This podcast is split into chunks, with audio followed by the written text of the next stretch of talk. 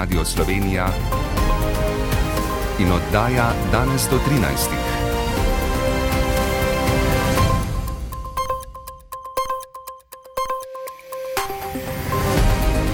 Ura je 13.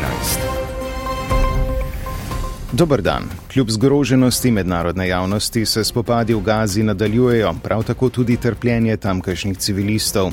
Zaradi podhranjenosti in bolezni je po oceni Združenih narodov ogroženih že 90 odstotkov najmlajših otrok.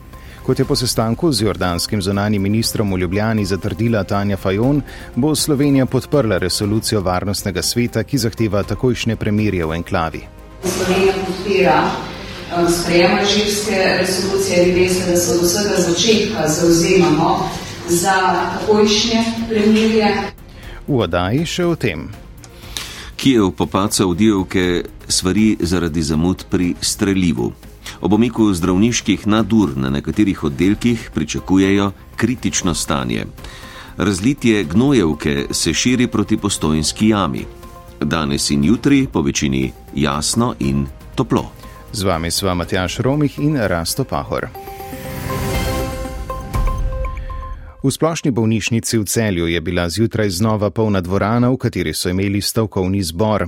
Zdravniki so ob navzočnosti vodstva sindikata Fides, predstavnikov občine in vodstva bolnišnice podprli prizadevanja sindikata in stavko. Po 1. marcu, ko bo soglasje za nadurno delo umaknilo skoraj 70 odstotkov vseh zdravnikov, bo že po šestih dneh kritično na rentgenologiji, kmalo zatem tudi na ginekologiji in infektologiji, skoraj popolno se bo ustavila hematologija, elektivnih posegov pa bo pol manj, pravi vodja Fidesove enote v bolnišnici Mateja Grad. Gre pa za to, da z odvzemom zdravniških soglasij, ko ni več prekomernega nadurnega dela, enostavno zmanjka zdravnikov za pokrivanje delovišč v urgentnem centru. Zato so uh, specialisti iz vseh drugih dejavnosti uh, delegirani na delo v urgentni center in posledično ugasnejo delovišča, najprej ambulantna, na to pa tudi druga v specialistični dejavnosti. Vse to je posledica dolgoletnega pomankanja zaposlenih, zato od vlade zahtevajo, da po hitrem postopku pridobi dodatne kadre in opremi nove prostore zgrajene nad urgentnim centrom. Medtem med vlado in Fidesom tečejo bolj navidezna pogajanja, ki očitno vodijo v najhujšo krizo našega zdravstva do zdaj. Danes do 13. Kopenska operacija v Han Junisu na jugu Gaze se bliža koncu, ostalo je le še nekaj ciljev, je sporočila izraelska vojska. Vse več držav, tudi Evropska unija, svari pred začetkom obsežne vojaške operacije v Rafi in poziva k takojšnji vzpostavitvi premirja v enklavi. Varnostni svet Združenih narodov naj bi danes glasoval o predlogu Alžirije o premirju. Združene države Amerike mu nasprotujejo in so vložile svoj predlog resolucije. Več o dogajanju Sandra Krišelj. V Gazi, kjer je bilo v preteklih štirih mesecih izraelskih napadov po podatkih palestinskih zdravstvenih oblasti ubitih in ranjenih že 100 tisoč ljudi, so nastale razmere, v katerih bomo priča eksploziji smrti otrok, ki bi jih sicer lahko preprečili. To bo povečalo že tako neznosno raven smrtnosti med otroki, je še sporočil UNICEF. Zdravstveni sistem v Gazi je v celoti uničen. Porodnišnica v Rafi je natrpana z vojnimi sirotami in nedonošančki, zdravstveno osebje pa se sooča s pomankanjem opreme, kisika in elektrike elektrike.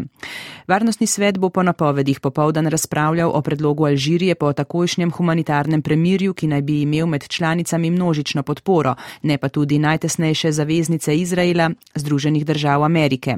Te so vložile svoj osnutek resolucije, v kateri se sicer prvič nedvoumno zauzemajo za začasno premirje, ki so mu sicer doslej nasprotovale, a je višji uradnik ameriške administracije povedal, da se z glasovanjem o ameriški resoluciji ne mudi, saj nameravajo dati pogajanje pogajanjem čas. Zunanja ministrica Tanja Fajon je po pogovorih z jordanskim kolegom Al-Safadjem v Ljubljani glede tega povedala. Slovenija je zelo aktivno s svojimi predlogi sodelovala pri kreiranju um, resolucije živske, lani so trajale čase in Slovenija podpira um, sprejema živske resolucije. Vi veste, da se od vsega začetka zauzemamo za takojšnje premirje in pri tem pozivu vidimo zelo jasno vlogo varnostnega sveta. Visoki politični voditelj Hamasa Ismail Hanije je danes prispel v Kajro na pogovore z Egiptom o razmerah. Izraelski uradniki pa so zanikali, da je eden od vodi gibanja v Gazi, Jahija Sinvar, pobegnil iz Rafe prek podzemnih tunelov. Ukrajinski predsednik Volodimir Zelenski je posvaril pred izjemno težkimi razmerami na fronti zaradi zamud pri dobavi pomoči iz tujine, še posebno po izgubi ključnega mesta Avdijuka. Rusija izkorišča zamude pri dobavljanju pomoči Ukrajini sebi v prid. Potrebujemo topništvo, sisteme zračne obrambe in orožje daljšega dosega. Medtem je Švedska napovedala novo vojaško pomoč Ukrajini v rekordni vrednosti 633 milijonov evrov za boj proti ruski agresiji. Gre za največjo pomoč, kar jih je Švedska namenila Kijevu od začetka vojne. Slovensko zunanje ministrstvo je ruskemu veleposlaniku pri nas izrazilo zaskrbljenost in ogorčenje zaradi smrti opozicijskega politika Alekseja Navalnega. Slovenija je ob tem pozvala Rusijo naj omogoči mednarodno preiskavo smrti Navalnega.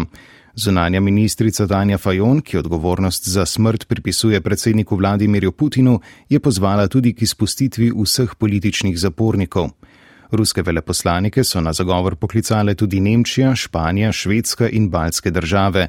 Evropska unija pa se zaradi smrti Navalnega dogovarja o novih ukrepih proti Rusiji. Kreml, ki zanika upletenost v smrt Navalnega, je obtožbe o odgovornosti predsednika Putina označil za neutemeljene in neokusne, potem ko je žena Navalnega Julija včeraj Evropsko unijo pozvala, naj ne prizna rezultatov ruskih predsedniških volitev prihodni mesec, saj da predsednik, ki ubija svoje politične nasprotnike, ne more biti legitimen. Od ruskih oblasti zahteva naj vrnejo truplo Navalnega in mu omogočijo dostojen pokop, ter da ljudem ne preprečijo, da bi se poslovili od njega. Podobno zahtevo je danes izrazila tudi mati Navalnega. Britansko vrhovno sodišče odloča o pritožbi ustanovitelja Wikileaksa Juliana Assangea na odločitev britanske vlade, da ga izročijo Združenim državam, v katerih mu zaradi objave zaupnih dokumentov v Združenih državah grozi do 175 let zapora. Pred sodno zgradbo se je na protestu zbralo več njegovih podpornikov, nagovorila jih je Assangeova žena Stela. Julian v Združenih državah nima možnosti za pošteno sojenje. Obtožujejo ga zaradi njegovega dela in ta primer je dokaz, da Združene države kriminalizirajo preiskovalno novinarstvo. Julian je politični zapornik in njegovo življenje je ogroženo. Assange se zaradi slabega počutja zaslišanja na sodišču ni udeležil. Po dobrih dveh tednih bo nemški letalski promet znova delno ohromljen.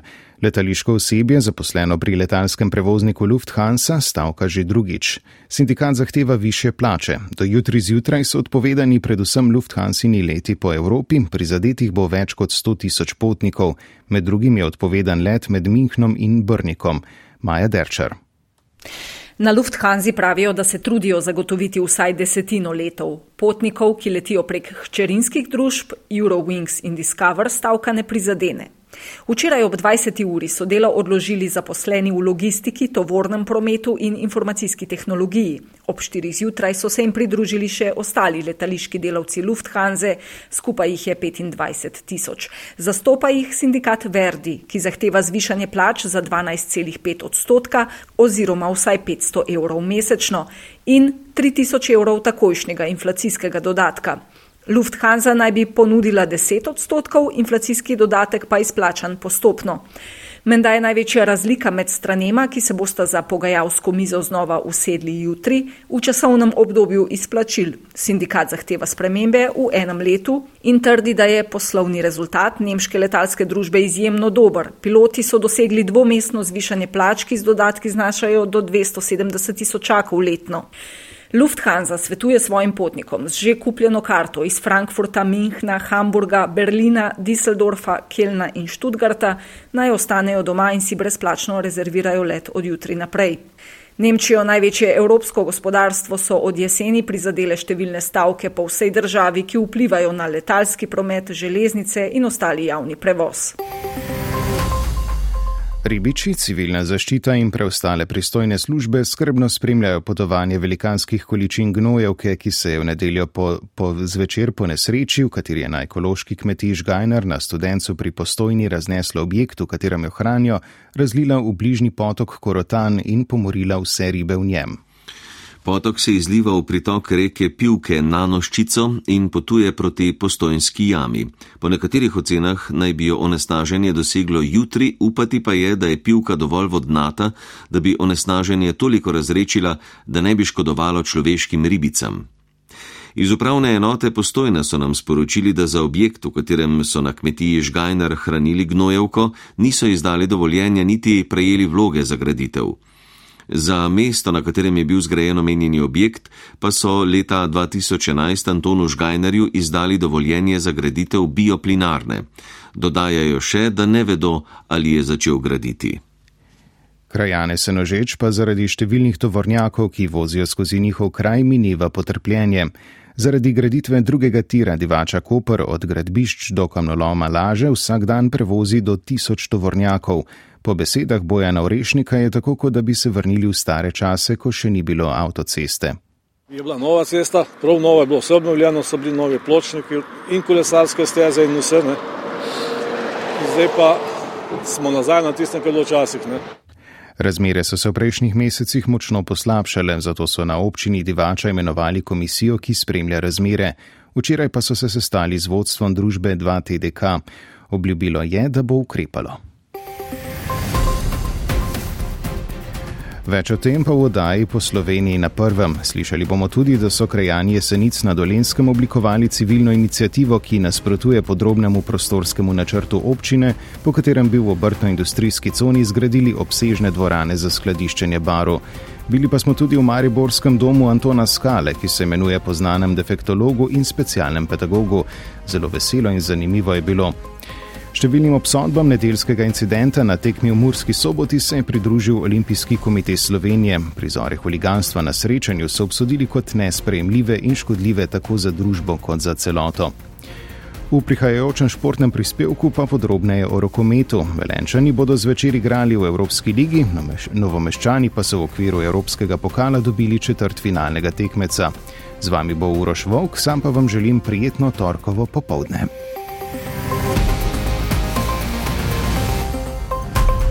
Še naprej se torej vrstijo obtožbe nedeljskega izgreda na nogometni tekmi Mure in Maribora. Zaradi poškodb Murinih nogometašev je nogometna zveza tudi prestavila tekmo 22. kroga med Koprom in Mursko-Soboškim klubom. Kdaj bo odigrana, ni jasno. Še vedno ni znano tudi, kakšen bo epilog nedeljskega dogajanja.